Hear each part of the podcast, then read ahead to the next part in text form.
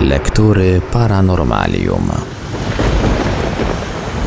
W dzisiejszym odcinku Lektur Paranormalium zaprezentujemy Państwu fragment książki Michała Stonapskiego Paranormalne, prawdziwe historie nawiedzeń.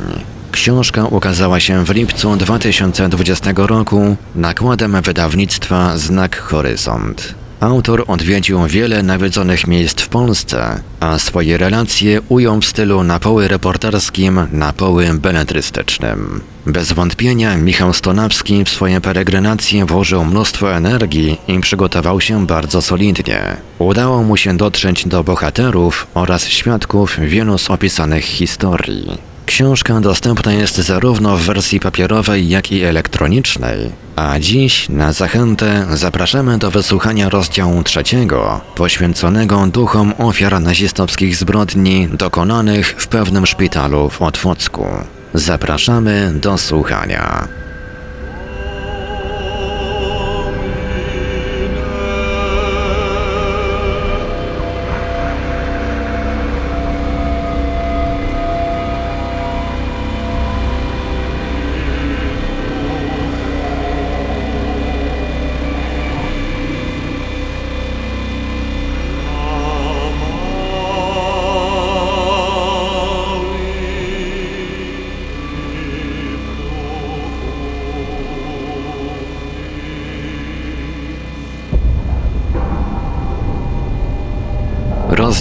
Trzeci.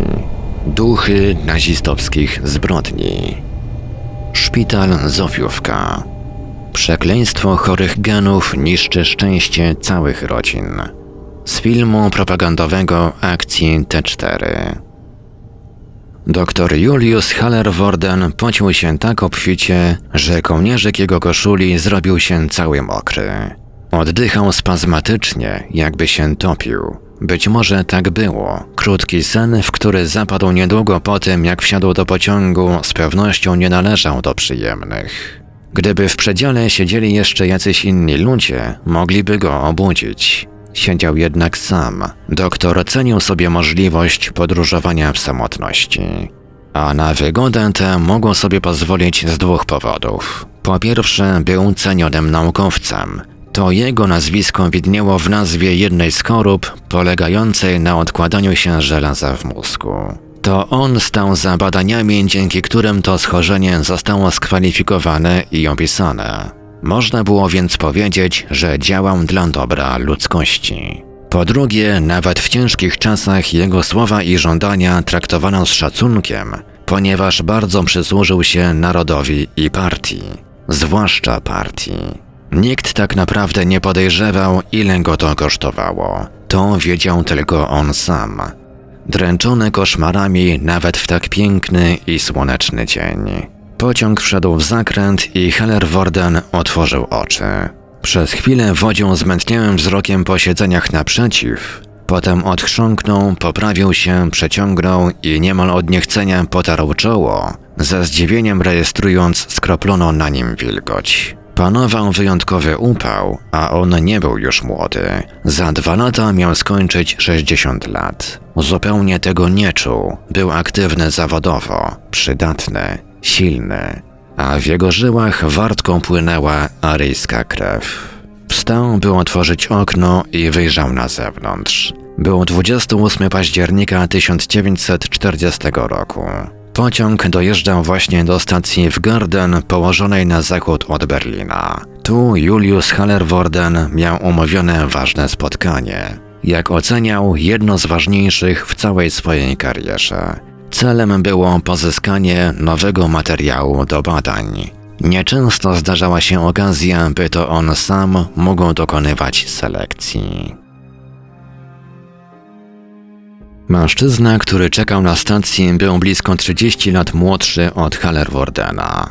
Wysoki i dobrze zbudowany, szeroki w barach. Coś w jego postawie i zimnym, twardym spojrzeniu mówiło, że człowiek ten miał za sobą wojskową przeszłość i niejedno w życiu widział. Musiał wiedzieć, na tym polegała jego służba. Irmfried Eberl, SS Untersturmführer, Również doktor nauk medycznych był jednym z głównych członków Fundacji do spraw zakładów opiekuńczych, która rozporządzała akcją o kryptonimie T4. Doktor Eberl podszedł do Hallerwordena wyprostowany jak struna. Heil Hitler! Heil Hitler! Dobrze pana znów widzieć, doktorze Eberl. Przejdźmy do samochodu. Jest strasznie gorąco. Hallerworden skinął głową i obaj ruszyli do zaparkowanego nieopodal wyjścia Volkswagena. Wkrótce pęd powietrza chłodził przyjemnie ich ciała. Pewien czas jechali w milczeniu. W końcu Hallerworden odchrząknął nieznacznie. Są już gotowi do selekcji? zapytał. Właśnie czekamy na transport. Wiem jednak, że rano nie wydano im żywności. Nie sądzę, by była potrzebna. Oszczędność godna podziwu. Ilu ich jest? Około 60 osób. Myślę, że powinien być pan zadowolony. Starszy z mężczyzn uśmiechnął się i lekko trzęsącymi się dłońmi poprawił okulary. Nie mogę się doczekać.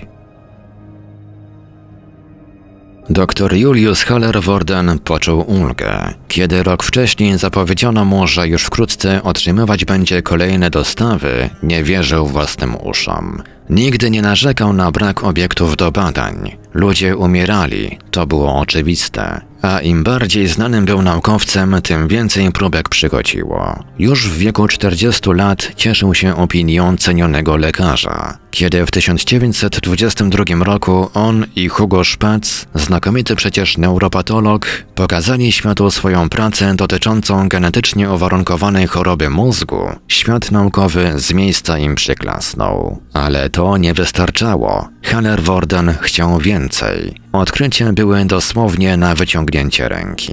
Te wszystkie szpitale przepełnione chorymi ludźmi bez szans, geny osób, które już tylko egzystowały, które zanieczyszczały czystość rasy, nie mogły przecież pozostać w populacji.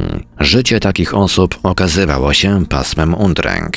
Likwidacja była niczym innym jak błogosławieństwem. Ponadto, kiedy wybuchła wojna, szpitalne łóżka winny być zajmowane przez dobrych niemieckich żołnierzy, bohaterów narodu, nie zaś przez nic niewarte zlepki komórek. Nic nie warte oczywiście, dopóki nie nadało się im wartości, a Hallerworden umiał tę wartość nadać. Kiedy on i jego asystenci wyjmowali drogocenny mózg, wszystkie pomyłki natury, istoty niższe, takie jak zdegenerowanie genetycznie, chorzy psychicznie, Żydzi, Romowie czy Słowianie, w dłoniach doktora Juliusa Hallerwordena stawali się czymś więcej. Ich życie nabierało sensu w służbie medycyny III Rzeszy. Służyli większemu dobru, swoim poświęceniem przyczyniając się do rozwiązywania najbardziej zagmatwanych zagadek biologii. W gruncie rzeczy można powiedzieć, że wyjmując mózg z czaszki biednej istoty, Hallerworden czuł się jak Bóg, bo wynosił ją w ten sposób na wyższy, nieosiągalny dla niej poziom. Nie popierał bynajmniej zabijania ludzi, jednak widział sens zarówno w oczyszczeniu rasy, jak i w badaniach służących dobru ludzkości. Sama eliminacja niższych ras byłaby w tym kontekście po prostu marnowaniem potencjału. Kiedy tuż przed wybuchem wojny w jego domu pojawili się wysłannicy SS z pytaniem, czy chciałby wspomóc naród, lekarz miał już gotową odpowiedź. Jeśli macie zabić tych ludzi, pobierzcie od nich przynajmniej mózgi do badań. A ile może pan zbadać? Nieograniczoną liczbę. Ani wtedy, ani teraz nie mogą się spodziewać, że własnoręcznie zbada ponad 700 mózgów, zaś w trakcie całej akcji T4 pobrane zostanie ich ponad 5000. Póki co zadowalał się tym, co miał przed sobą. 59 postaci ustawionych w szeregu, smutne, wynędzniałe twarze, zdradzające oznaki chorób genetycznych i psychicznych. Byli w różnym wieku, w większości jednak nie mieli więcej niż 15 lat. Dzieci, chłopcy i dziewczynki. Przechadzając się przed nimi, Hallerworden już teraz oznaczał w pamięci, które mózgi interesują go najbardziej. Doktor Eberl miał rację. Julius Hallerworden był zadowolony.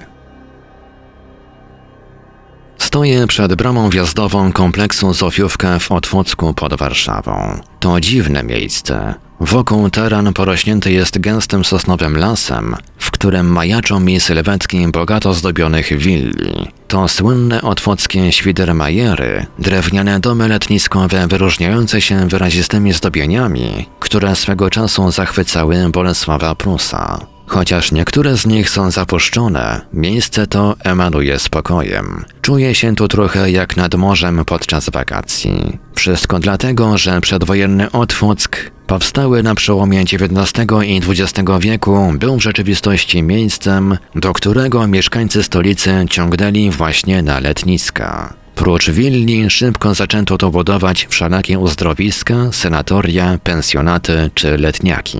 Dzięki kolei nadwiślańskiej dojazd z Warszawy był prosty i przyjemny, a spore połacie lasu dawały orzeźwiający chłód w gorące letnie miesiące. Wyobrażam sobie, jakby to było 100 lat temu przechadzać się w takim miejscu. W Warszawie panuje skwar, tutaj las i pobliska Wisła dają ochłodę. Ludzie siedzą na tarasach swoich domów i popijają chłodne napoje, patrząc jak ich pociechy ganiają się wśród drzew. Sielanka. Czy w takim miejscu kryłyby się duchy? Jakieś dwa tygodnie przed moim przyjazdem do Otwocka dzwoni do mnie mój znajomy. Szukasz nawiedzonych miejsc, nie? Pyta, a z tonu jego głosu wnioskuję, że ma dla mnie raczej dobrą nowinę. No to mów co masz, zagaduję. Coś dużego, również gabarytowo. Na pewno miejsce jest większe niż wszystko, co do tej pory badałeś. No i wiesz, jest klimat. A powiesz mi w końcu, co to za miejsce? Nie lubię takich zabaw w kotka i myszkę. Szpital. Opuszczony szpital psychiatryczny. Wymordowali tam Żydów. Wiem już, że to na pewno sprawa dużej wagi.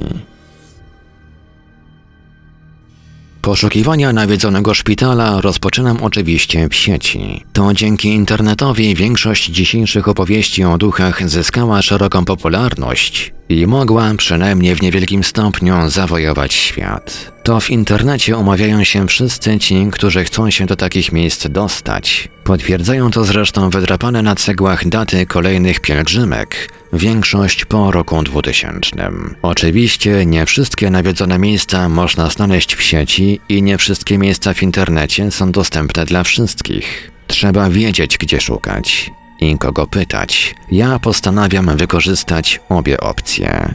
Dzwonię do koleżanki siedzącej od dawna w środowiskach okultystycznych. Nawet jeśli czegoś nie można znaleźć w sieci, Z i tak o tym wie, bo taką wiedzę mają członkowie jej ugrupowania. Z reguły tyczy się to jednak miejsc, które nie są zbyt reprezentatywne. Dla postronnych wyglądają jak zwykły kamień leżący na trawniku. Dla niektórych okultystów właśnie na tym kamieniu zaciera się granica między światami. Przychodzi mi na myśl podział Mogoli i czarodziei z Harry'ego Pottera i jestem dziwnie przekonany, że to nie przypadek. J.K. Rowling wiele czerpała bowiem z różnych legend czy podań. Te zaś osadzone są trochę bardziej w naszej rzeczywistości. Miejsca, które zwykłemu człowiekowi wydawały się zupełnie normalne, wtajemniczonym prezentowały swoje nadnaturalne funkcje. Nie muszę się tu jednak wcale odwoływać do okultyzmu. Już nasi słowiańscy przodkowie, podobnie jak ich celtyccy kuzyni, wierzyli, że istnieją święte gaje, w których załamuje się granica pomiędzy światami realnym a duchowym. Ta wiara rezonuje teraz w różnych aspektach. W przypadku zjawisk paranormalnych rolę takich gajów w pewnym sensie odgrywają właśnie nawiedzone miejsca. Te, w których doszło do szczególnie krwawych tragedii, mogą być miejscami, w których granice światów się zacierają, lub w których otwierają się szczeliny umożliwiające czemuś dostanie się do naszego świata, lub, jak mawiają niektórzy, do naszej gęstości. Istnieje jeszcze druga teoria, mówiąca o tym, że miejsca tragedii bywają paranormalne dlatego, że strach, ból i krzywda to emocje, które osadzają się na pobliskiej materii, zaś demony, zjawy czy duchy reagują na nie tak jak muchy na zapach lukrowanego ciastka. Co najważniejsze, obie te teorie wcale nie muszą się nawzajem wykluczać. Jeśli tak jest, to szpital Zofiówka mogłoby być właśnie takim miejscem, załamującym przestrzeń energetyczną tak, jak czarna dziura załamuje czasoprzestrzeń. Na pewno dużo ciekawiej byłoby, gdyby Z umówiła się ze mną w jakiejś okultystycznej świątyni, gdzie podczas odprawiania rytuałów przez grupę okultystów przekazałaby mi informacje.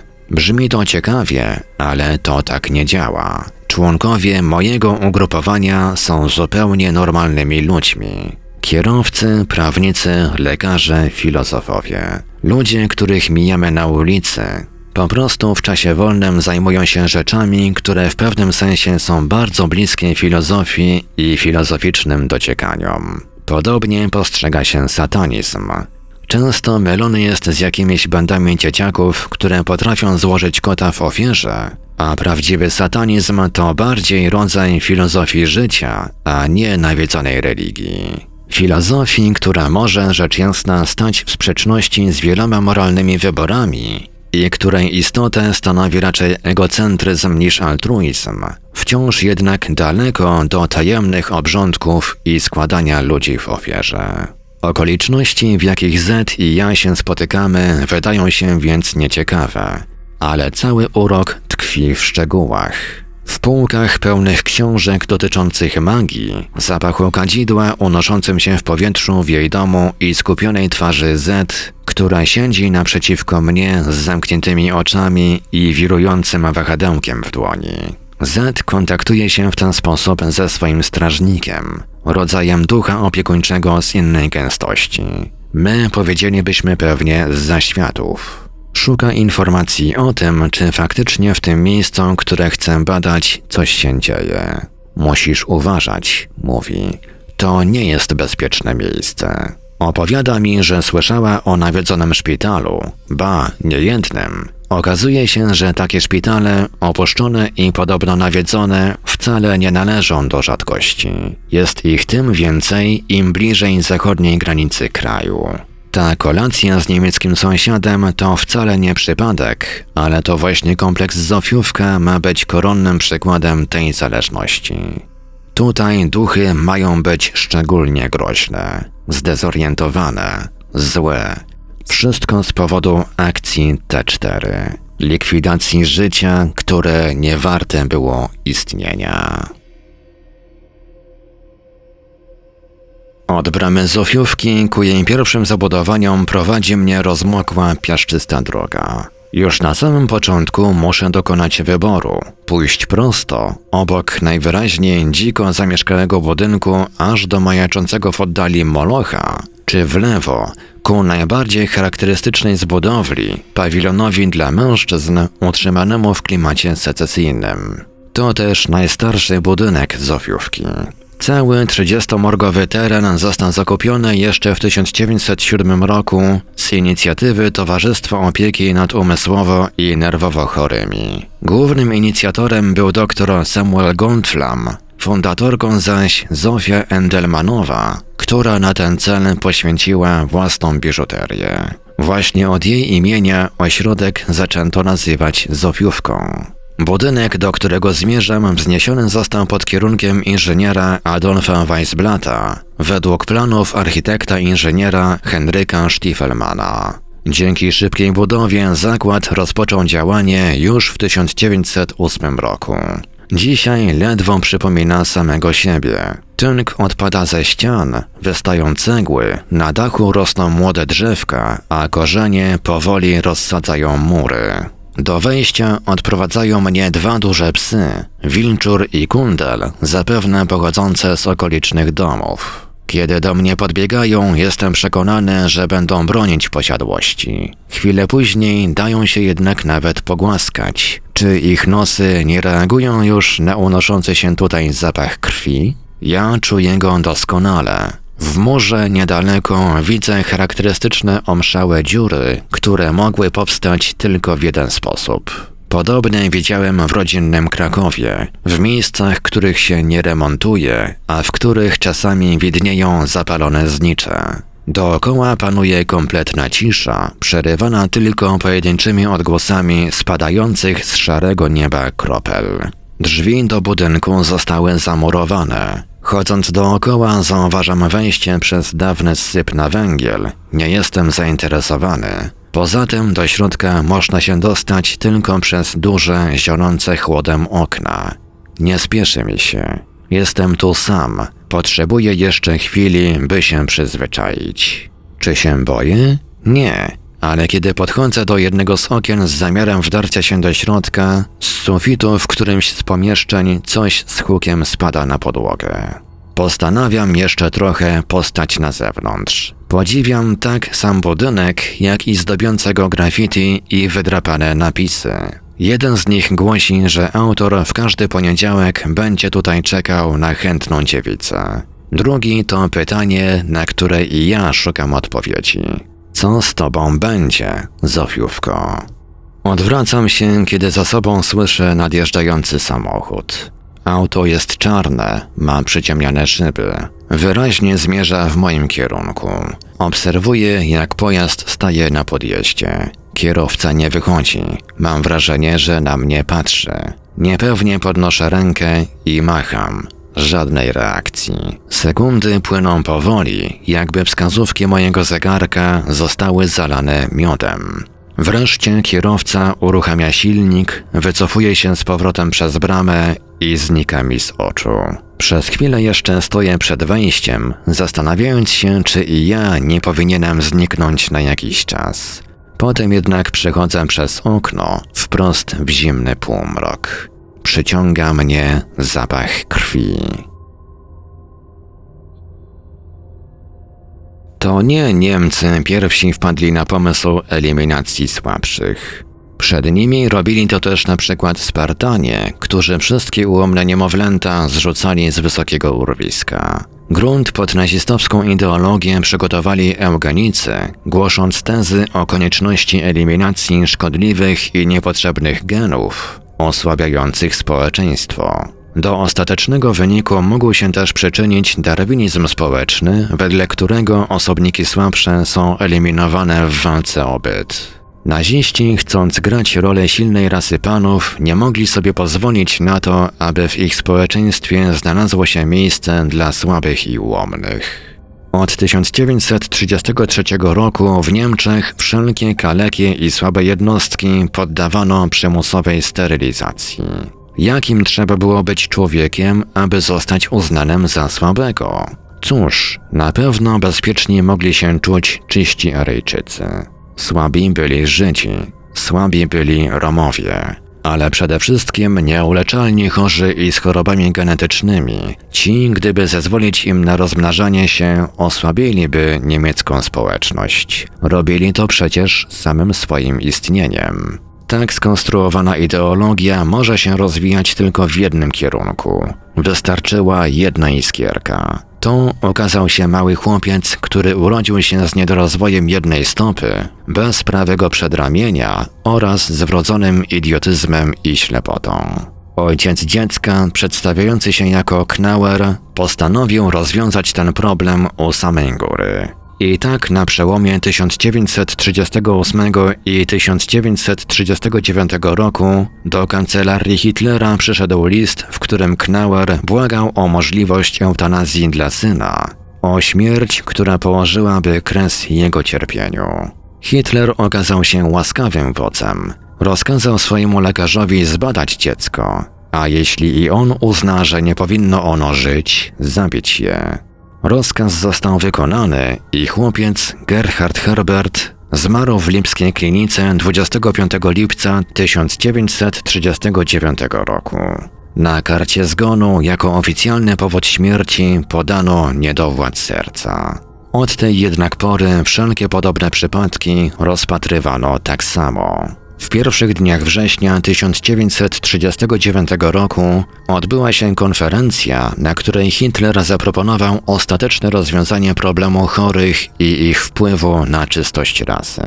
W jej wyniku spisana została oficjalna dyrektywa o takim brzmieniu. Reichsleiter Buller i doktor medycyny Brandt są z mojego polecenia odpowiedzialni za rozszerzenie kompetencji lekarzy, którzy zostaną wymienieni z nazwiska tak, żeby osobom według wszelkiego prawdopodobieństwa nieuleczalnie chorym, wobec zupełnie krytycznej oceny stanu ich zdrowia, można było zapewnić łaskawą śmierć. Podpisano Adolf Hitler. Odpowiedzialnymi za rozwiązanie tego problemu Führer uczynił Karla Brandta, swojego osobistego lekarza, a także Filipa Bullera, szefa kancelarii i Wiktora Braka, który objął stanowisko planisty całej akcji.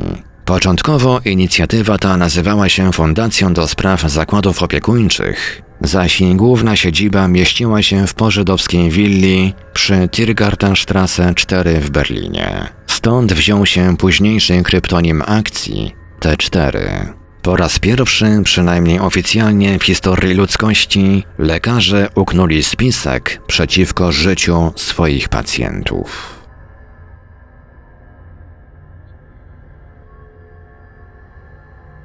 Wnętrze najstarszego z budynków Zofiówki okazuje się przejmująco ciche.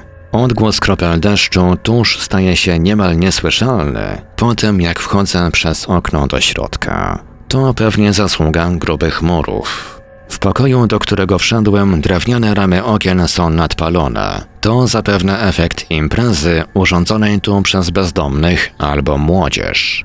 Co zaś chyba najbardziej odczuwalne, jest zimno. To pierwsze, co czuję, gdy staję w środku. Na zewnątrz temperatura dochodzi do 10 stopni. Tutaj patrzę na ściany i z niedowierzeniem przesuwam palcem po kilkumilimetrowej warstwie lodu. Mój oddech tworzy w powietrzu mgiełkę. Jakbym przez okno przeszedł do zupełnie innego świata. Przypominam sobie, że tak duży spadek temperatury i odczuwalne wychłodzenie mogą być oznakami silnego nawiedzenia. W takich przypadkach coś dosłownie wysysa całą energię, również cieplną, z danego miejsca. Nie czuję tutaj nic, żadnych zapachów, żadnego ruchu ani dźwięku. Zupełnie nie słyszę zewnętrznego świata. Wszystko, co żywe, zostało odcięte w chwili, w której znalazłem się w środku. Przechodzę przez hol wejściowy, starając się nie patrzeć w stronę całkowicie ciemnych pomieszczeń po prawej za mną.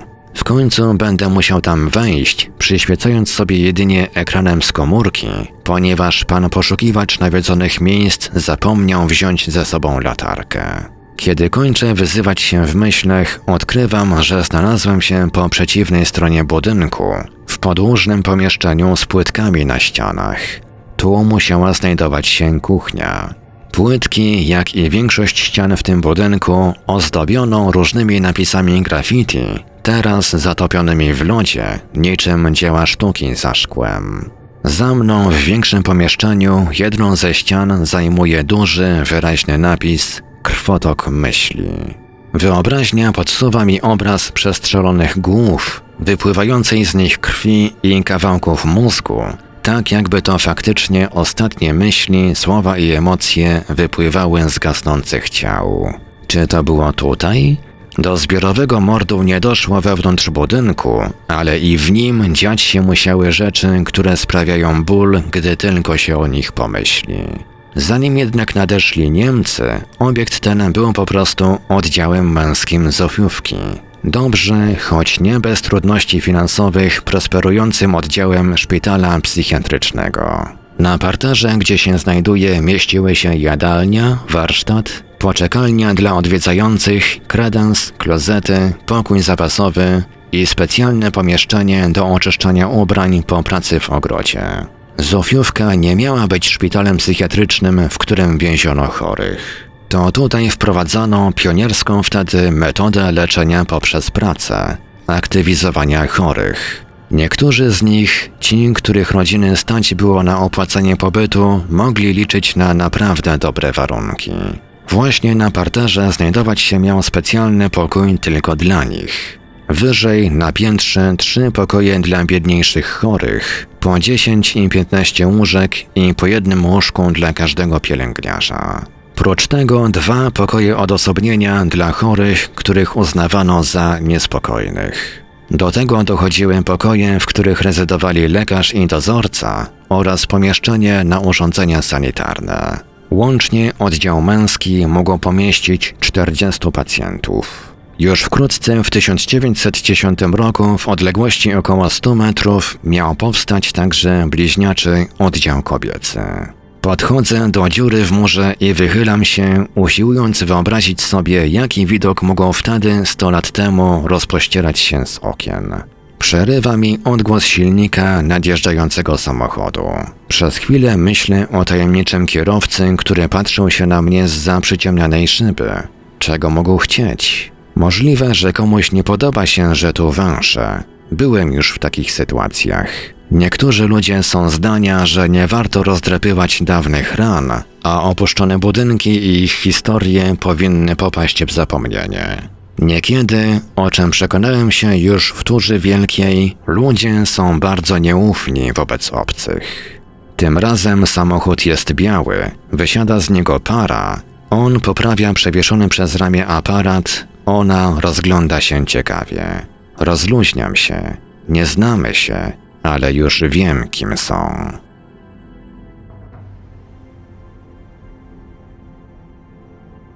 Zauważają mnie i wydają się spięci. Macham przyjaźnie, więc podchodzą. Państwo też na zwiedzanie? Zagaduje. Mężczyzna uśmiecha się, jakby nieco zakłopotany. Dokładnie. Są tam jakieś duchy? Śmieje się.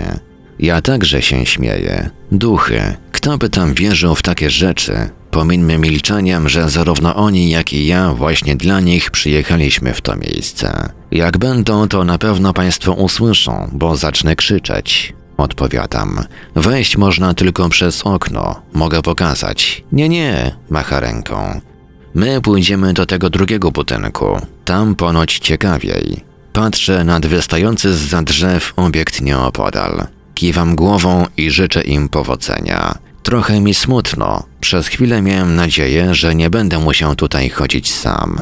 Nawiedzonych miejsc nie powinno się odwiedzać samemu. Kiedy jest się z kimś, nawiedzone miejsce ekscytuje. Pojawiają się ciągle nowe pomysły, gdzie ciekawie byłoby wejść. Gdy chodzi się samotnie, nawiedzone miejsce napawa niepokojem. Z obawą więc patrzę na pogrążone w całkowitej, jak mi się wydaje, czerni pokoje niedaleko schodów. Miejmy to za sobą.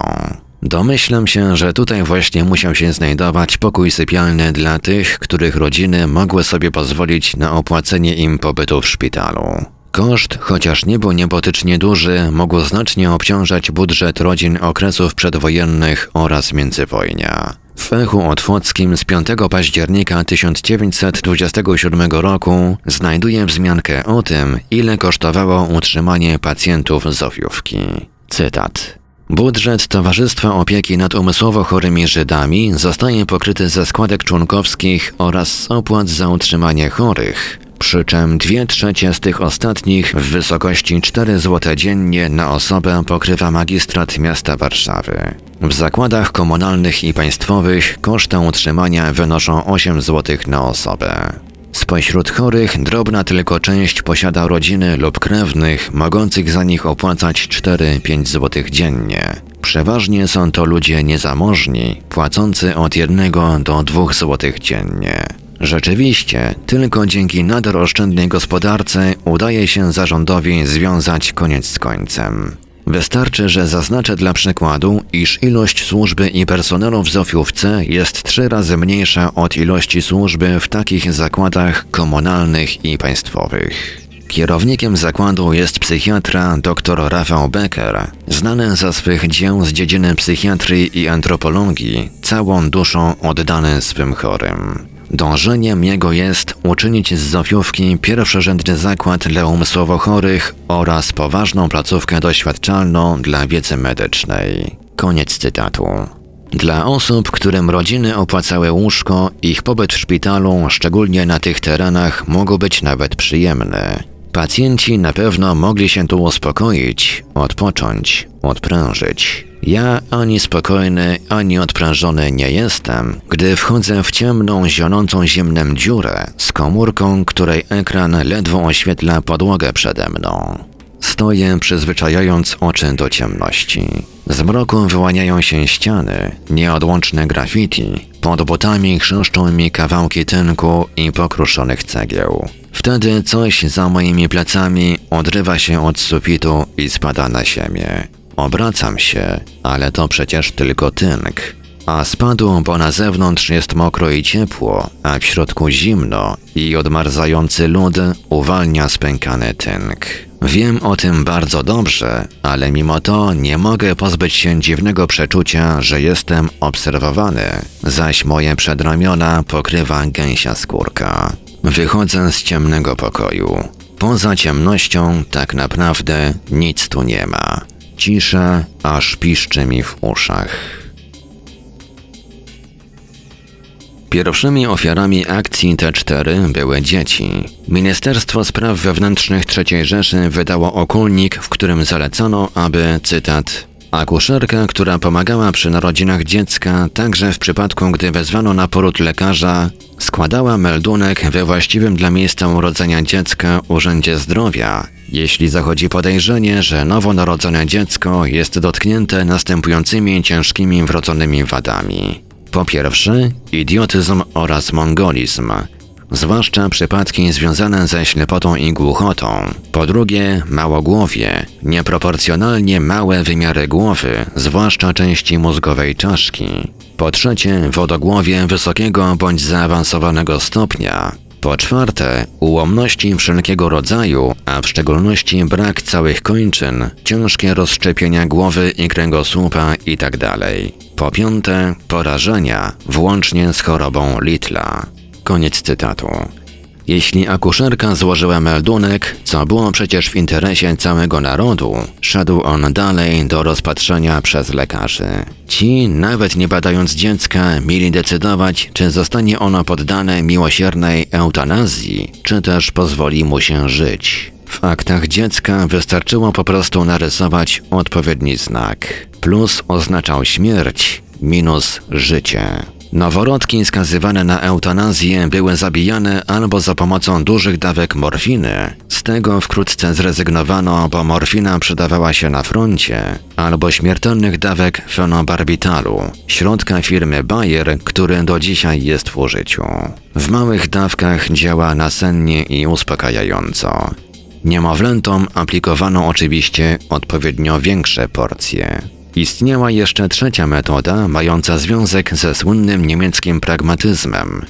Leki miały swoją cenę, zaś używanie ich na większą skalę generowało koszty, które przecież akcja T4 miała ograniczać. Nieokreślona liczba noworodków została więc zagłodzona na śmierć. Następnie pobierano dziecięce mózgi, które wraz z odpowiednią dokumentacją kierowano do oddziałów neuropatologii, gdzie tworzono z nich kolekcje do badań dla niemieckich naukowców. Jednym z czołowych badaczy był właśnie Julius Haller-Worden, uznany neurolog i neuropatolog, którego imieniem, jak już wspomniałem, została nazwana choroba zwana dzisiaj encefalopatią z odkładaniem żelaza. Haller-Worden, mimo że wiedział o akcji T4 i korzystał z jej dóbr, a także brał udział w niektórych egzekucjach, nigdy nie poniósł odpowiedzialności za swoje czyny. Tymczasem wojna nabierała tempa, podobnie jak i sama akcja T4. Wkrótce po dzieciach przyszedł czas i na dorosłych. Ci według niemieckiej propagandy zajmowali tylko miejsca w szpitalach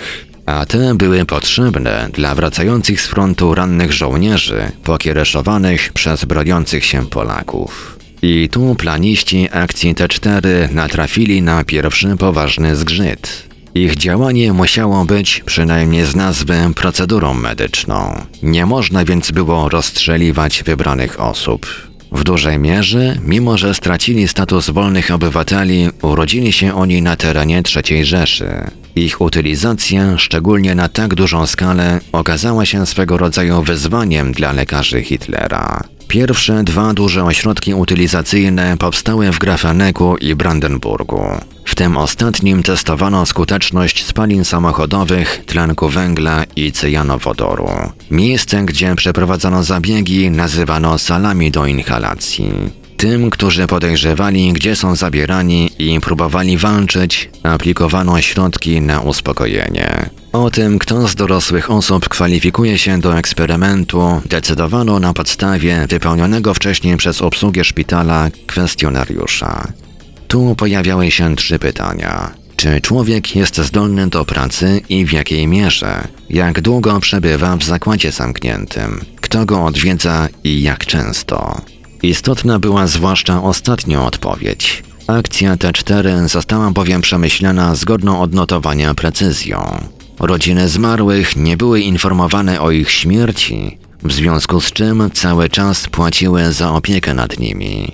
A ponieważ posiadanie w rodzinie osoby ułomnej, złych genów nie było dobrze wiedziane, nie wspominało się o niej, ani też zbyt często jej nie odwiedzało. Szpitale miały wolną rękę, zaś za milczenie i opiekę dostawały pieniądze. Akcja T4 właściwie finansowała się sama. Planiści zadbali nawet o to, by nic z dobytku pacjentów się nie zmarnowało. Wszelkie ozdoby, zwłaszcza złote, przetapiano i służyły potem jako zęby dla tych, którzy pomagali przy transporcie i eskorcie do sal inhalacji. W 1941 roku opracowano broszurę pod tytułem Działania wykonane w ramach akcji, w której informowano o oszczędnościach w perspektywie kolejnych 10 lat, będących efektem akcji T4. Uwzględniono mąkę, chleb, warzywa, produkty mleczne, a nawet sól, które przez ten czas zjadłyby osoby zutylizowane. Koszt całości wynosił 885 milionów 439 800 marek.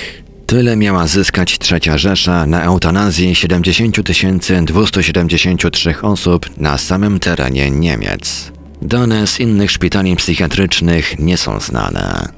24 sierpnia 1941 roku Adolf Hitler oficjalnie przerwał akcję T4. W grudniu tego samego roku rozpoczęła się inna akcja Reinhardt, mająca na celu zgładzenie wszystkich Żydów, Romów i wielu Polaków zamieszkujących tereny Generalnego Gubernatorstwa i Okręgu Białostockiego a na ziemiach dawnej Rzeczypospolitej Polskiej pojawili się ludzie, którzy wcześniej brali udział w akcji T4, wszyscy w mundurach SS. Wkrótce pokoje do inhalacji miały być zastąpione przez łaźnie w obozach koncentracyjnych. Akcja T4, akcja likwidacyjna nic nie wartego życia, nieoficjalnie trwała jednak nadal. Włóczę się po terenie Zofiówki już od ponad godziny. Z mrocznego parteru pawilonu dla mężczyzn przeszedłem na pełne światła pierwsze piętro. Tu nadal na ścianach widać lód, ale jest jakoś mniej strasznie. Oglądam duże pokoje mieszczące kiedyś łóżka pacjentów, zakratowane pomieszczenie, które, jak się domyślam, mogło być przeznaczone dla tych nielicznych, czasem niespokojnych. Z sufitu w jednej z sal zwisają korzenie młodych drzewek rosnących na dachu.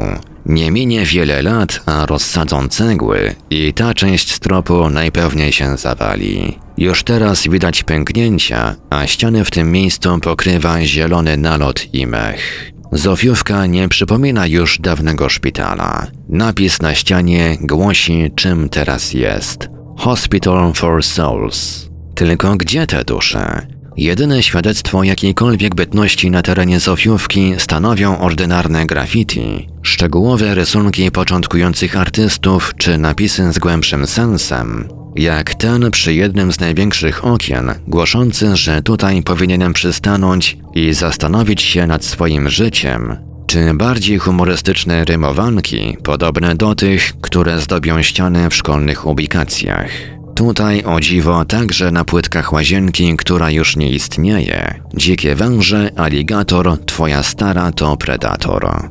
Kiedy opuszczam pawilon pierwszy i kieruję się w stronę połączonych ze sobą pawilonów trzeciego i czwartego, już na wejściu do trójki wita mnie strzałka z napisem Tu są duchy. Obok na ścianie dopisano jeszcze Welcome to Hell. Posłusznie wchodzę więc do paszczy lwa. I tutaj wita mnie śmiertelna cisza i spokój. Spokojniej tutaj niż na niejednym cmentarzu. Gdzie niegdzie tylko widzę porozsypywane plastikowe kulki. Dziś gracze ESG urządzają sobie tutaj rozgrywki. Co z tobą będzie, Zofiówko? Zastanawiam się. Gdzieś w okolicy szczeka pies. Prócz tego cały czas towarzyszy mi cisza. Czy duchów już tutaj nie ma? O to powinienem zapytać specjalistę, co też wkrótce zrobię, ale i bez niego wiem, że wciąż tu są. Opowiedziała mi o nich Edyta, która w latach 90. przebywała tutaj, w pawilonie czwartym, jako wychowanka senatorium dla dzieci i młodzieży po przejściach. Dzieciństwo Edyty naznaczone było zdarzeniami paranormalnymi. Przyjeżdżając tutaj nie miała pojęcia, że przybywa do specyficznego miejsca, wyróżniającego się nawet na tle innych nawiedzonych budynków. Tu atmosfera wcale nie była taka zła. Mówi, kiedy rozmawiamy o wydarzeniach sprzed ponad 20 lat. W porównaniu z moim wcześniejszym domem, oczywiście. Tam było tak źle, że aż duszno. Tutaj, tutaj na początku po prostu było dziwnie. Czasami, kiedy leżałyśmy już w łóżkach z dziewczynami, to zaczynałyśmy słyszeć wyjącą syrenę. Tak cichutko, ale nie jak z oddali, rozumiesz, tylko jakby była bardzo, bardzo cicha. Czasami coś pukało w nocy obok mojej głowy. Tam było jedno pomieszczenie, ale zamknięte zawsze na kłódkę, taki kantorek na różne szczotki. I centralnie obok mojej głowy w nocy coś pukało, jakby od drzwi ktoś pukał. Wtedy nakrywałam się kołdrą, bo nie chciałam widzieć tego, co tak puka, gdyby przyszło, no i zachodzi w niej jakaś zmiana. Kiedy opowiadała mi o wcześniejszych wydarzeniach, po prostu wspominała, tak jak wspomina się wakacje. Ale teraz słyszę, że jej głos drży. Czasami kontynuuje cicho, jak miałam tak naciągniętą kołdrę, wiesz, napiętą, to na zewnątrz robiło się bardzo zimno i widziałam, jak coś z drugiej strony puka palcem o tę moją kołdrę, tuż przed moją twarzą, a potem śmiech. Prawdziwe duchy nawiedzonych miejsc kryją się w cieniach. Żeby je dostrzec, trzeba mieć pewien dar, jak Edyta. Ja, by je dojrzeć, muszę się naprawdę postarać. Muszę się dowiedzieć, co tak naprawdę się tu stało. Prawdziwe duchy, tak myślę, to wspomnienia krzywdy, paniki, złości, bólu i braku nadziei. A tych emocji tutaj nie brakowało. Każdy człowiek podświadomie to czuje, kiedy znajdzie się w miejscu, którego całe lata nikt nie chce nawet tknąć. Miejscu, które tak naprawdę stanowi problem, o którym najlepiej zapomnieć. Zwykle wszystkim przychodzi to z łatwością. Poznawanie historii takiego miejsca jest jak przyświecanie latarką w mroku. Wydobywa z niego kontury i kształty i duchy. Dlatego teraz, kiedy znów jestem w mrocznej piwnicy kolejnego pawilonu Zofiówki, odczuwam trudny do zinterpretowania niepokój. To senatorium mnie obserwuje. Wie, że tu jestem, a wszystko dlatego, że i ja wiem, czym ono jest. Szczerze mówiąc, trudno mi wyobrazić sobie to, że Zofiówka jeszcze pod koniec lat 90. działała. Spaceruję wśród ruin, ścian, które wyglądają jakby budynek był w stanie półsurowym. Wszędzie widać cegły, gdzie niegdzie obsypują się resztki popękanego tynku. Pachnie rozmokłą ziemią. Naprawdę tak właśnie wyglądają obiekty pozostawione sobie samym tylko na 20 lat? Potrzebowałem naocznego świadka, zarówno tego, że Zofiówka faktycznie działała, jak i tego, co się w niej działo. Edyta opowiada mi wszystko ze szczegółami. To zadziwiające, że kiedy z nią rozmawiam, okazuje się osobą tak pełną życia i pozytywnej energii. W drugim pokoju radośnie śmieje się dziecko, mała dziewczynka. Jej córka, którą w czasie naszej rozmowy zajmuje się mąż Edyty. Kobieta uśmiecha się, kiedy słyszy gaworzenie córki. Rozmawiamy niezobowiązująco o tym, co sprawiło, że interesujemy się właśnie zjawiskami paranormalnymi. Small talk ludzi, których pewna część społeczeństwa uznałaby za świrów. Opowiadam jej trochę o swoich początkach. Kiedy ona odwdzięcza się tym samym, serce zaczyna mi mocniej bić. Czy mogłem się spodziewać, że siedzę naprzeciw osoby, której całe życie naznaczone jest spotkaniami z nieznanym? Wszystko zapoczątkowali jej rodzice. Zanim się poznali, jej ojciec pracował jako iluzjonista w cyrku.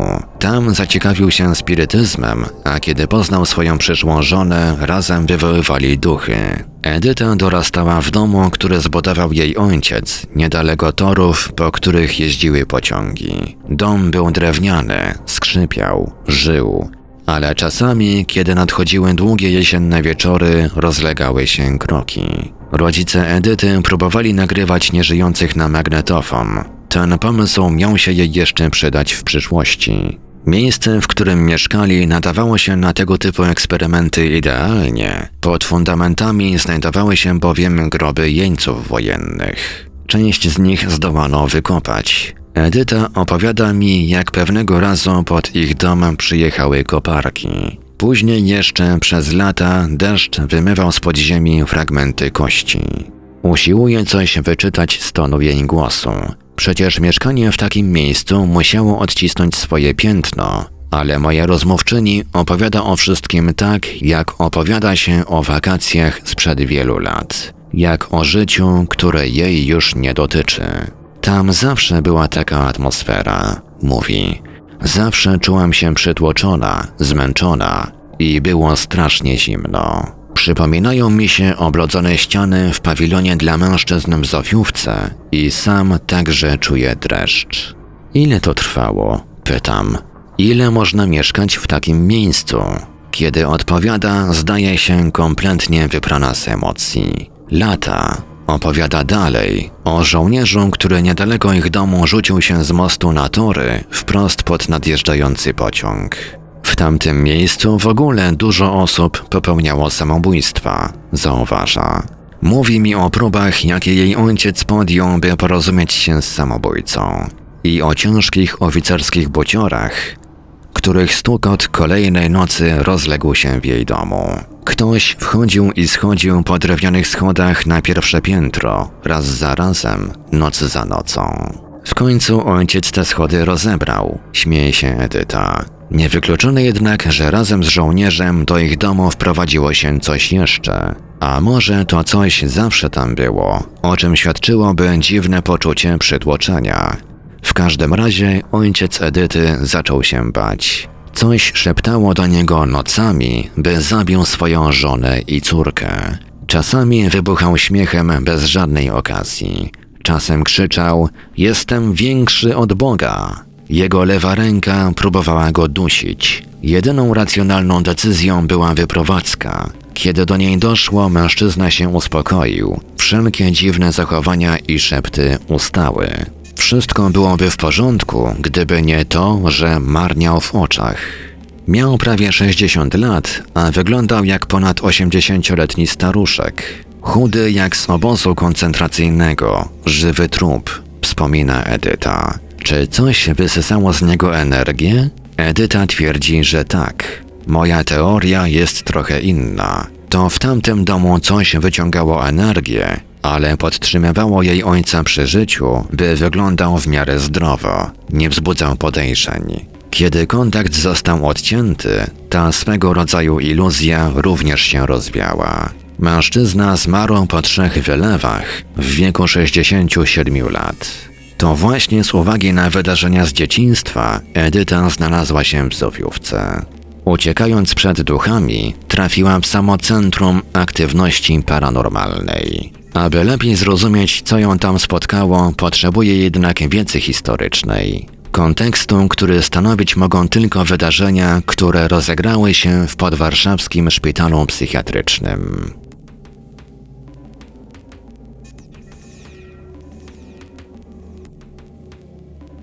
Tuż przed nastaniem II wojny światowej Zofiówka przeżywała swój złoty okres. Działał tu jeden z dwóch otwockich aparatów rentgenowskich. Senatorium oferowało około 370 łóżek i szczyciło się mianem największego w mieście, co było nie lada osiągnięciem, biorąc pod uwagę senatoryjny charakter samego Otwocka. Kultywowano tutaj terapię zajęciową, która dla umysłowo chorych pacjentów okazywała się zbawienna w skutkach. Do 1938 roku przybytkiem tym kierował jeden z najwybitniejszych psychiatrów ówczesnej Europy, dr Jakub Frostich. Właśnie wtedy sytuacja zaczęła się załamywać. To, jakie realia w Zofiówce zastała wojna, opisano szczegółowo w artykule z odgłosów Otwocka z 14 maja 1939 roku. Cytat. Słów kilka o zakładzie psychiatrycznym Zofiówka. Przy ulicy Kochanowskiego nr 2 mieści się zakład dla psychicznie i nerwowo chorych pod nazwą Zofiówka. Zakładem tym opiekuje się Towarzystwo Humanitarne w Warszawie, na czele którego stoją znani działacze społeczni, np. dr Kochan i radca Leopold Milstein. Zofiówka jest obliczona na 350 chorych. Zakład jest przeludniony, gdyż towarzystwu brak jest funduszów na rozszerzenie zakładu i budowę nowych pawilonów. Od miesiąca września ubiegłego roku kierował Zofiówką pan dr Jakub Frostiś, który w dość niezwykłych okolicznościach opuścił to stanowisko wyjeżdżając do Ameryki Północnej dla wygłoszenia szeregu odczytów o nowoczesnym lecznictwie umysłowo chorych. Pan doktor Frostiś jeszcze dotąd nie powrócił ze swojej podróży i najprawdopodobniej już nie wróci. W międzyczasie stanowisko dyrektora Zofiówki objął dr Stefan Miller, urlopowany terminowo lekarz zakładu psychiatrycznego w Tworkach. Droga do uzdrowienia stosunków w Zofiówce nie jest doktorowi Millerowi usłana różami.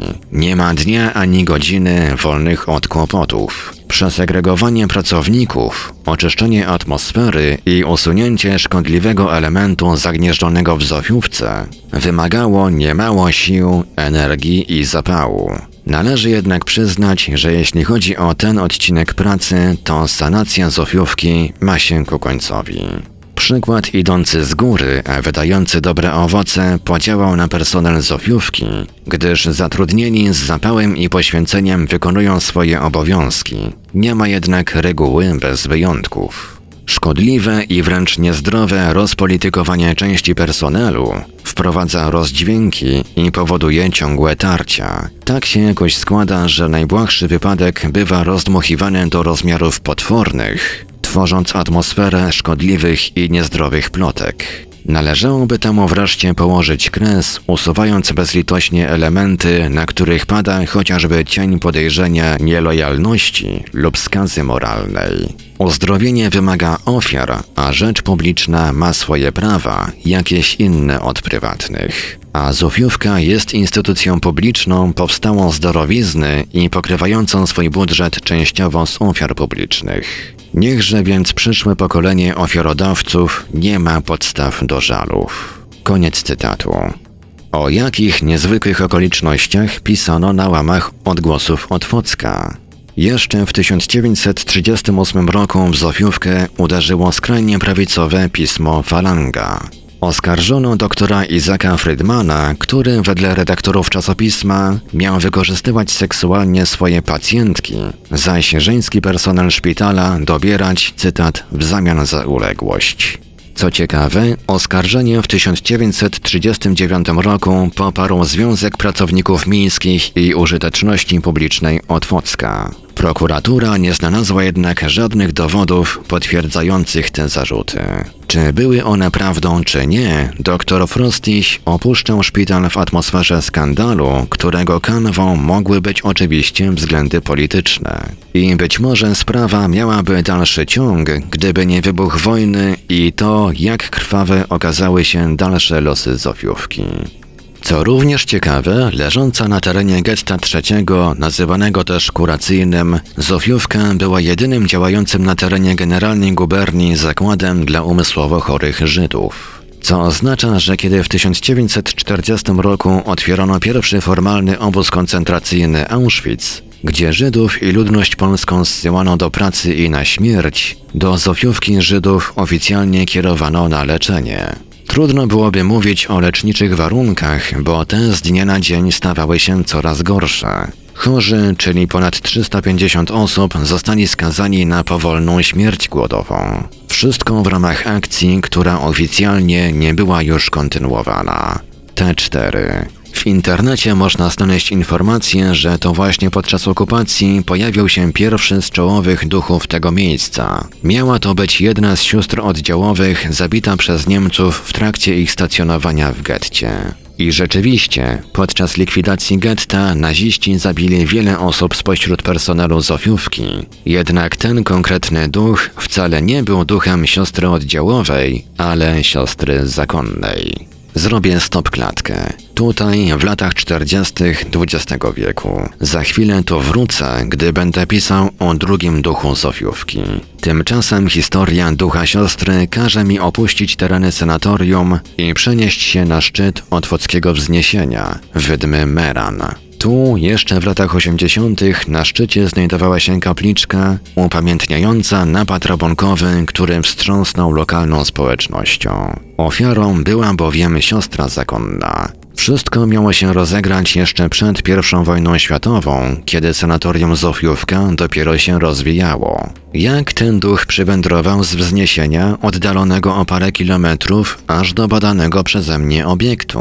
Myślę, że po prostu głośniejsze wydarzenie i sama jego waga wyparły ze świadomości to wcześniejsze. Wystarczyło pewne podobieństwo w nazewnictwie, siostra oddziałowa i siostra zakonna, by duch tej ostatniej stał się jedną z zagubionych dusz Zofiówki.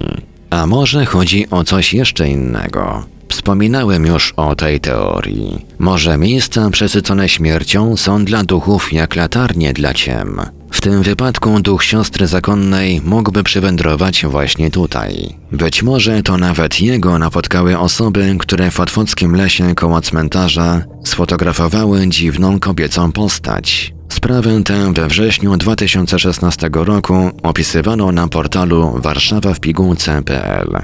Cytat. Kolega napisał, że wybrał się z dziewczyną oraz przyjacielem do Mazowieckiego Parku Krajobrazowego tydzień temu w niedzielę jakoś o 21. Zaparkowali samochód przy cmentarzu w Otwocku i do lasu poszli na piechotę. Cała wyprawa przebiegała bardzo luźno. Drogę oświetlali sobie telefonami komórkowymi i miło ze sobą rozmawiali. W połowie drogi do Starej Wsi jednak cała trójka poczuła jakiś strach. Krzysiek stwierdził, że jakoś strasznie się zrobiło. Cała reszta przyznała rację. Wszyscy poczuli lęk, zdecydowali, że przejdą jeszcze 100 metrów. To było bardzo spontaniczne uczucie, które poczuli równocześnie. Prawda była jednak taka, że przeszli może 20 metrów i usłyszeli tak jakby wysoki klekot. Od razu stwierdzili, że pora stąd uciekać. Dotarli na parking przy Otwocku bardzo szybko. Później, przeglądając zdjęcia z wyprawy, odkryli na jednym coś bardzo osobliwego, jakby postać. A zdjęcie było zrobione niedaleko rozwidlenia, w którym jedno prowadziło właśnie do starej wsi. To wszystko, co wiem.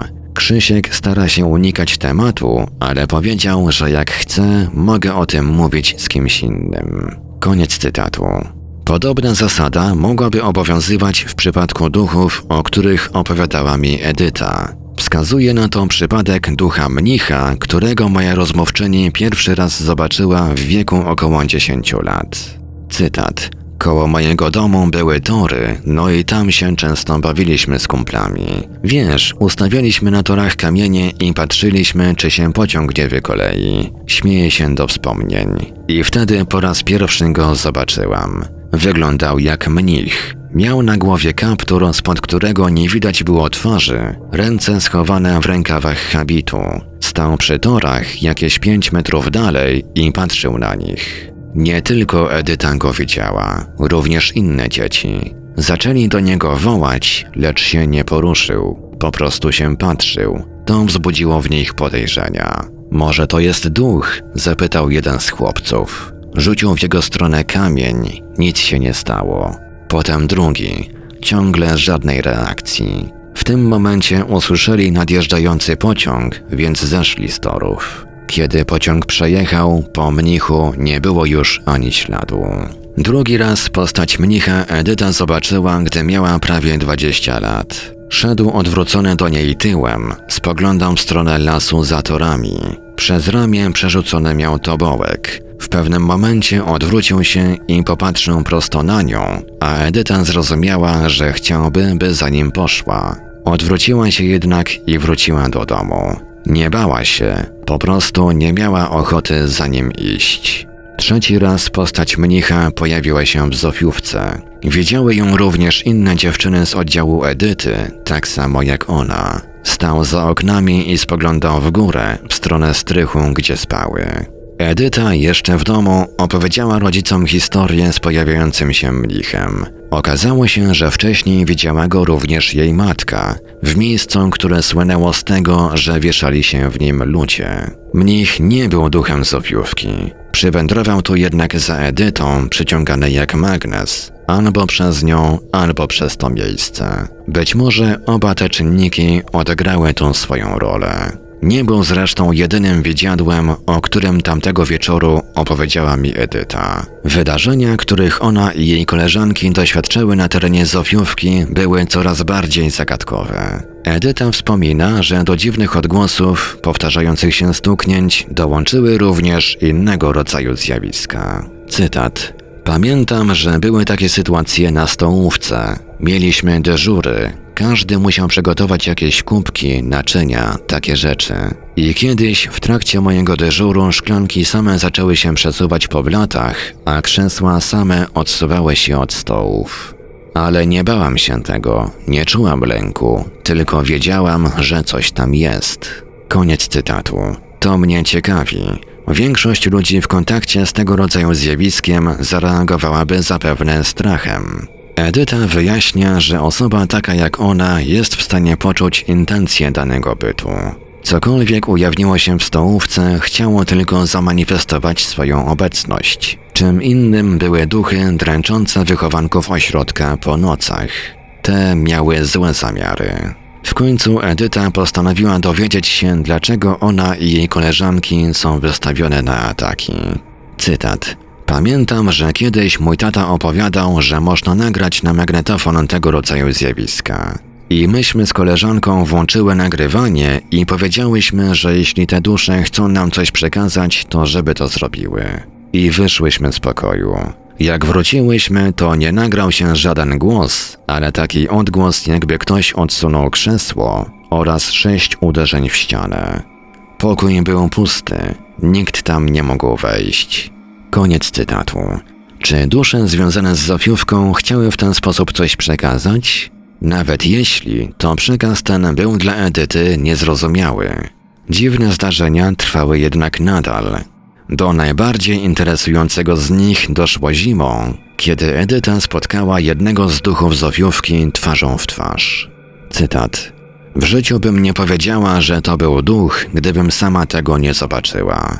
Po drugiej stronie naszego budynku, na którą miałyśmy widok z okna, była taka mała górka, z której w czasie wolnym zjeżdżałyśmy na sankach. I pamiętam, że w pewnej chwili zobaczyłem mężczyznę, który szedł w naszą stronę. Tylko zdziwiło mnie to, że był ubrany staroświecko. Miał taką czapkę w kratkę, płaszcz i ciemne spodnie, rozszerzone. W ręku niosł skórzaną taczkę.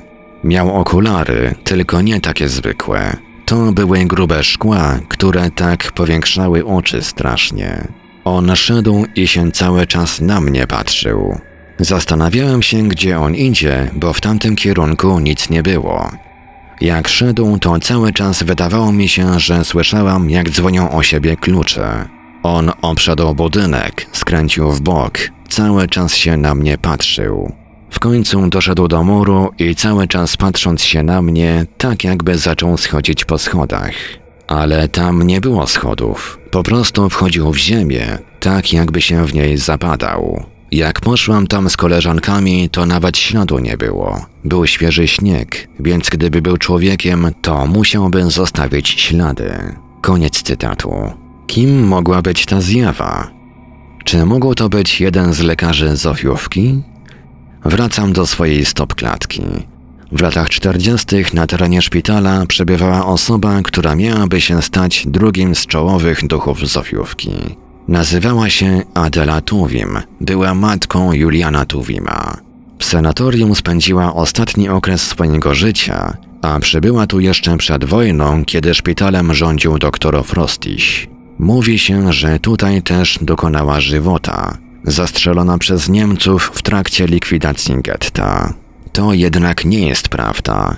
Matkę poety przetransportowano do domu przy ulicy Ceglanej, I dopiero tam, już po likwidacji ośrodka, dopadli ją funkcjonariusze SS i następnie rozstrzelali. Mimo to można i ją uznać za ofiarę wydarzeń, które w nocy z 18 na 19 sierpnia 1942 roku rozegrały się w Zofiówce. Tamta noc z pozoru nie różniła się od innych, ale w powietrzu dało się wyczuć napięcie. Widać je było w ostrych ruchach pielęgniarek, w spojrzeniach lekarzy, na korytarzach co chwilę rozlegały się szybkie kroki. Coś się kroiło, coś się miało stać. Część pacjentów nie mogła zasnąć, jakby podskórnie przeczuwali, że dzieje się coś złego. Niektóre osoby z personelu sanatorium stwierdziły, że po latach okupacji nie są już w stanie dłużej wytrzymywać piekła tego miejsca. Piekła głodu akcji T4, z powodu której z 350 pacjentów zostało niewiele ponad 150. W środku nocy paru sanitariuszy powzięło rozpaczliwą próbę ucieczki. Ukradli jedną z sanitarek i odjechali w stronę Warszawy, mając świadomość, że w każdej chwili mogą paść strzały. Te jednak nigdy nie padły. Być może Niemcy nawet nie zwrócili na to uwagi. Los pozostałych i tak był już przesądzony. Wiedzieli o tym inni członkowie zespołu: dr Lewinowna, dr Maślanko, magister Lichtenfeld oraz ówczesny kierownik dr Włodzimierz Kaufmann, którzy tej samej nocy zażyli cyjanek potasu. Ranek zastał już tylko ich stygnące ciała. Akcja T4, mimo że oficjalnie zakończona rozkazem Hitlera, trwała nadal. Przebywających tu Żydów po latach udręki skazano na eliminację.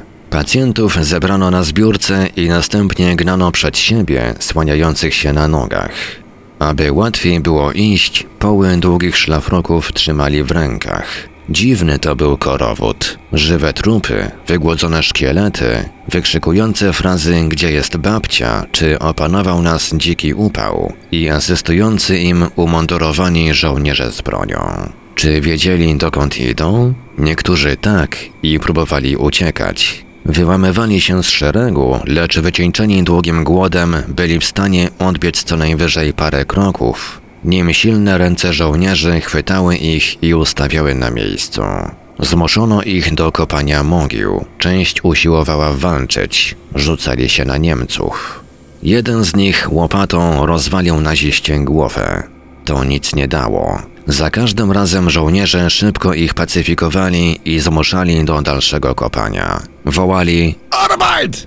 Weiter arbeiten! i Schneller! Niektórzy podczas kopania kładli się na ziemi i przysypywali piaskiem, żeby zyskać parę sekund życia więcej. Kopnięcia wyrywały ich z marazmu. Kiedy groby były gotowe, padł szybki rozkaz Beladen Waffen! Niektórzy przytulali się do Niemców. Wieszali się im na szyjach, żeby uniemożliwić im wycelowanie broni. Cios kolby strącał ich w stronę dołu. Wtedy słyszeli już tylko trzask przeładowania, strzał. Spadali do środka jak połamane lalki. Rozstrzelano od 110 do 140 osób. Resztę wywieziono do obozu zagłady w Treblince. Mogiły odkryto dopiero w latach 50. i ekshumowano z niej około 100 ciał. Reszta nadal tam leży. Połowie 1943 roku w pobliskim sanatorium Brius oraz w opuszczonej Zofiówce Niemcy ustanowili ośrodek instytucji opiekuńczo-charytatywnej Lebensborn, źródło życia. Główne cele stanowiły odnowienie krwi niemieckiej i hodowla nadludzi, przedstawicieli czystej aryjskiej rasy. Ośrodek miał pomieścić około 100 matek i 150 dzieci. W jednym z budynków założono oddział położniczy, w innych dom dziecka i żłobek. Tutaj miały się też kształcić polskie dzieci, zabrane od swoich rodzin, a następnie germanizowane. Czy ośrodek zaczął funkcjonować? Mimo takich plotek nie. Już w 1944 roku do Zofiówki wkroczyli Rosjanie i rozkradli wszystko, czego Niemcy nie mogli zabrać ze sobą. Na tym historia Zofiówki się nie skończyła. Zaraz po wojnie utworzono tutaj ośrodek szkoleniowy imienia Stanisława Dubois dla działaczy organizacji młodzieży Towarzystwa Uniwersytetu Robotniczego. Przyjeżdżała tu też na wypoczynek i szkolenia socjalistyczna młodzież z Francji i Holandii. Wybudowano stadion, którego pozostałości ciągle można jeszcze oglądać. Od 1956 roku senatorium otrzymało imię Stefana Okrzei. Leczono tutaj młodzież chorą na gruźlicę.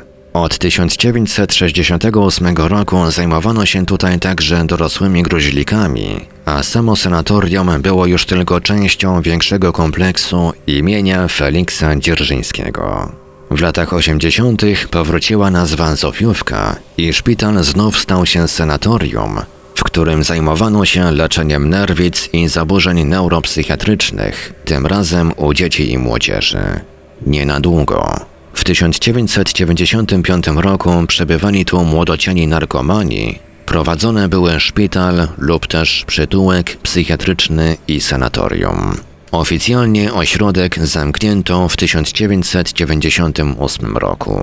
Trudno mi sobie wyobrazić, by coś tu powstało w przyszłości. Zofiówka umiera, duszona powoli przez zachłanne korzenie rozrastającego się lasu.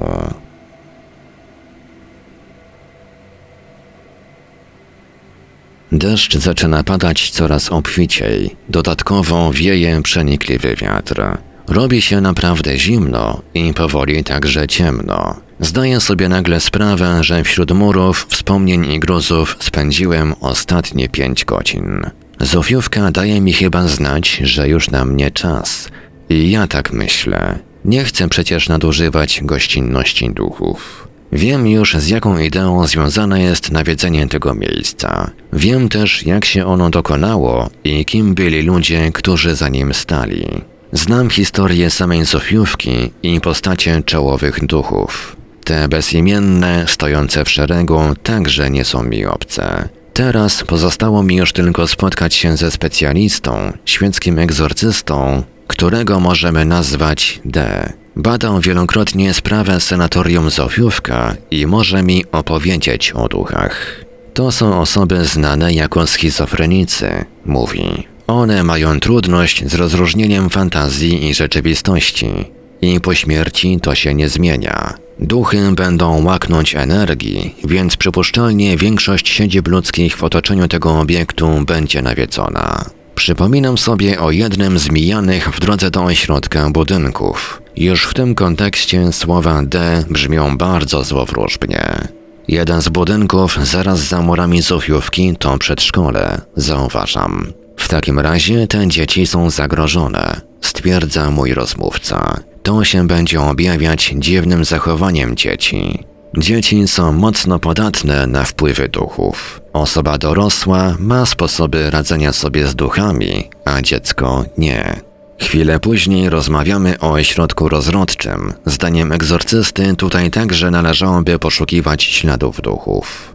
Według niego ośrodek mógł bowiem zacząć działanie. Wskazuje także, że na schodach najstarszego z pawilonów ktoś umarł. Wnioskuje ze śladów na zdjęciach tamtych miejsc. Pytam go również o interesującą mnie kwestię ducha zakonnicy. Czy jest możliwe, aby duch tak po prostu zmienił lokalizację? Jeśli nie, mogłaby to być tylko zbieżność sprowadzająca się do podobieństwa przypadków, nazwy i występowania zjawiska. Jeśli tak, czy moja teoria dotycząca przyzywającego duchy światła miałaby jakieś podstawy? Okazuje się, że tak, odpowiada. Każdy duch będzie szukał ośrodka i miejsca, gdzie są żywi ludzie, by podtrzymać własne istnienie. Duchy szukają takich miejsc. Więc jeśli przed I wojną światową kogoś zamordowano na tych wzgórzach niedaleko, to ośrodek psychiatryczny byłby idealnym miejscem. To ciekawe. Duchy, które muszą podtrzymywać własne istnienie. Notuję ten fakt w pamięci, a tymczasem drążę dalej. Napisał pan w e-mailu, że te duchy będą obecne jeszcze przez parę, paręnaście lat, a później znikną. Na jakiej zasadzie to działa? Chodzi o to, że duchy korzystają z zasobów energetycznych, jak te, które zostały w Zofiówce. I te zasoby się wyczerpują, bo nie ma żywych. Mało jest tam energii życiowej, która może te duchy podtrzymywać. Te emocje, które są w ścianach, to jest za mało. Duch potrzebuje towarzystwa żywych osób. Kolejna ciekawostka. Czy to by oznaczało, że kiedy wyczerpią się zasoby energetyczne, duchy z ofiówki będą zmuszone szukać nowych? Choćby tak łatwych do zdobycia i na pewno smakowitych jak dzieci z pobliskiego przedszkola? Egzorcysta jest wręcz o tym przekonany. Dzieciom w Otwocku grozi śmiertelne niebezpieczeństwo. Pozostałe opcje to pójście dalej, za granicę oddzielającą świat żywych od świata umarłych, albo ulegnięcie rozpadowi. Taki duch zaczyna się zachowywać jak zwierzę, dziczeje. Zaraz, zaraz, czy ja dobrze słyszę?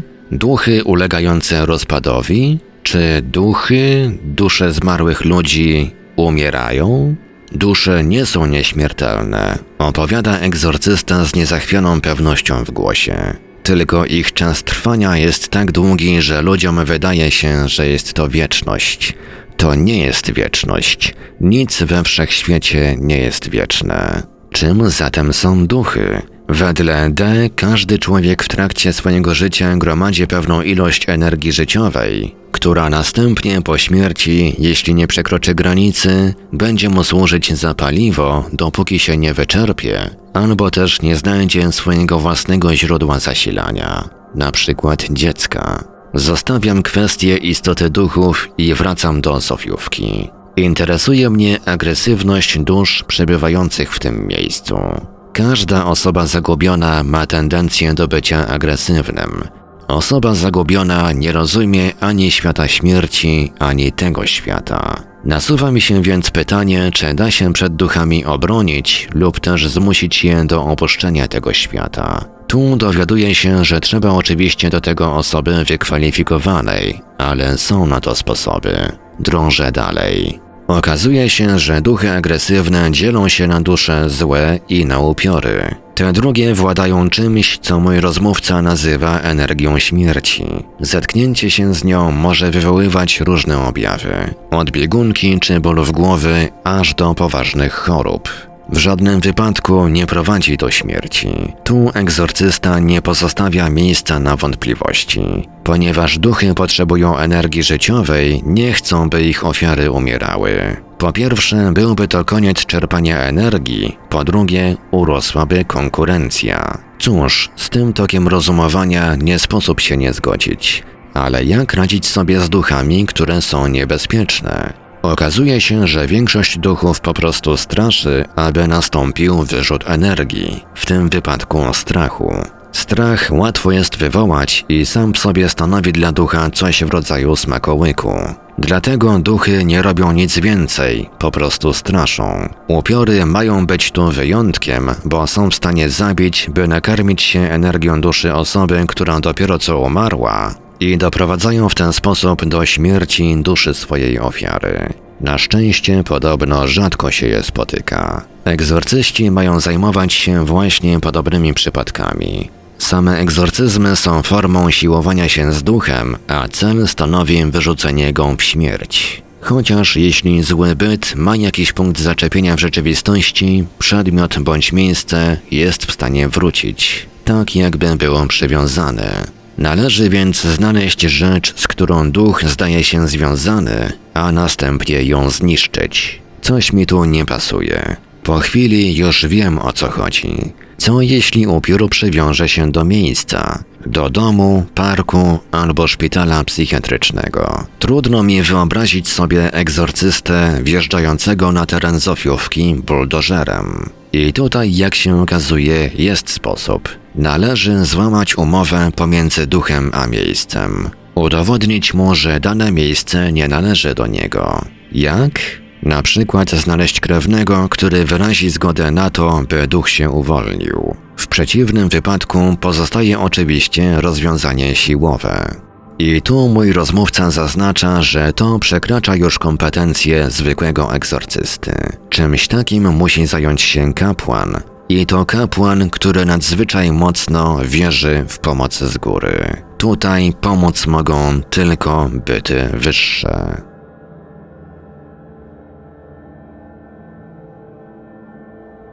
Jestem po tej rozmowie nieco skołowany. W ciągu zaledwie pół godziny dowiedziałem się, że dusze mogą umrzeć, zaś sama Zofiówka jest jak bomba z opóźnionym zapłonem, czekająca, aż mieszkającym tam duszom skończy się energia. Co się wtedy stanie? Pójdą dalej? Rozpadną się? Zaatakują okoliczną ludność? Być może ani to, ani to. Otwock leży blisko Warszawy, miasta szczególnie przez duchy, głównie za sprawą wojny dotkniętego. Jeśli faktycznie zagubione dusze ciągną tam, gdzie jest najwięcej emocjonalnej energii, strachu, radości, nagłych namiętności, to właśnie stolica będzie tu największym wabikiem.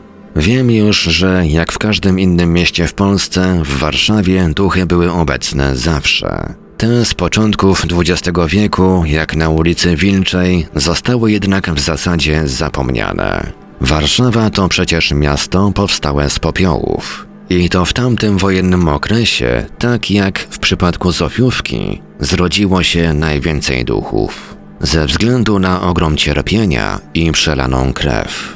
Egzorcysta, z którym niedawno rozmawiałem, wskazywał na związek duchów i energii, której źródło stanowią emocje. W jego rozumieniu duchy są jak ćmy ciągnące do skupisk emocji, żeby na nich żerować. Nie mam zamiaru z tym polemizować, ale w mojej głowie ten proces się odwraca. A co jeśli, myślę, co jeśli to z emocji, z cierpienia, smutku, złości, zawiści i związanych z nimi historii powstają duchy? Czego potrzeba, aby stworzyć historię o duchach? Ktoś zauważy trzeźwo, że duchów właśnie, ale przecież to, że takie byty gdzieś są, jest już symptomem, a nie źródłem. Nie, wcale nie potrzebuje duchów. Potrzebuje trzech uzupełniających się składników. Ludzi, którzy kiedyś żyli, miejsca, w którym przebywali oraz odpowiedniej historii, która ma z nimi związek. Ludzie są tu oczywiście kluczowi, zarówno do tworzenia opowieści, jak i jej rozpowszechniania czy odczytywania. Ale przecież nie z każdego nieszczęścia rodzą się duchy. Ludzie zabijają, gwałcą, popełniają samobójstwa. To się dzieje ciągle. Nawet w tej właśnie chwili gdzieś na świecie ktoś umiera, ktoś kogoś zabija, ktoś kogoś gwałci, ktoś popełnia samobójstwo, bo nie może znieść życia. Ciągle też gdzieś toczy się wojna. To, że żyjemy w czasach pokoju, też jest przecież swego rodzaju ułudą. Zawsze ktoś z kimś walczy. Wracając do duchów, świat powinien być ich pełen. Cała nasza planeta powinna być jednym wielkim nawiedzonym miejscem. W pewnym sensie tak jest, ale tych rzeczywiście nawiedzonych miejsc, gdzie ma dochodzić do objawień, nie mamy aż tak dużo. Tu moim zdaniem istotne są właśnie odpowiednie miejsce i odpowiednia historia. Trudno sobie wyobrazić, by nawiedzonym miejscem została nazwana kwiecista łąka. Nawet jeśli za takie uznaje się na przykład las, nie będzie to skąpany w wiosennym słońcu zagajnik pełen rozśpiewanych ptaków, ale okryty mgłą gąszcz w jesiennej aurze, ze spadającymi wilgotnymi liśćmi i wykręconymi mokrymi konarami drzew, najlepiej późnym wieczorem lub nocą. Budynek powinien być stary i opuszczony, taki z historią, trzecim filarem gwarantującym pojawienie się duchów. Coś musiało się tu stać, coś nie mieszczącego się w głowie, związanego z ogromnym cierpieniem. Traf chce, że jeśli chodzi o naszą cywilizację i nasz krąg kulturowy, to właśnie Europa, stary kontynent, ma największy potencjał historyczny. Wystarczy rzut oka na nasz ukochany XX wiek. Dwie wojny światowe, zbrodnicze reżimy i ideologie, które nigdy nie powinny dojść do głosu. Polska to jeden z krajów najbardziej dotkniętych zawieruchą dziejów.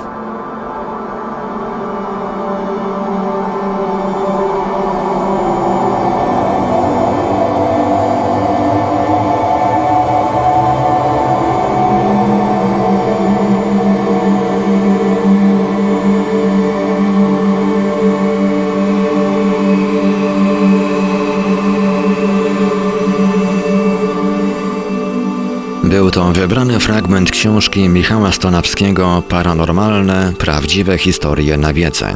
Gorąco zachęcamy do zapoznania się z całą książką, która dostępna jest zarówno w wersji papierowej, jak i elektronicznej. Wersję papierową zdobyć można na przykład w Empiku, zaś wersja elektroniczna dostępna jest na takich platformach jak woblink.com, światczytników.pl czy upoluj-ebuka.pl. Archiwalne odcinki Lektur Paranormalium znajdziesz do pobrania w archiwum naszego radia na stronie www.paranormalium.pl.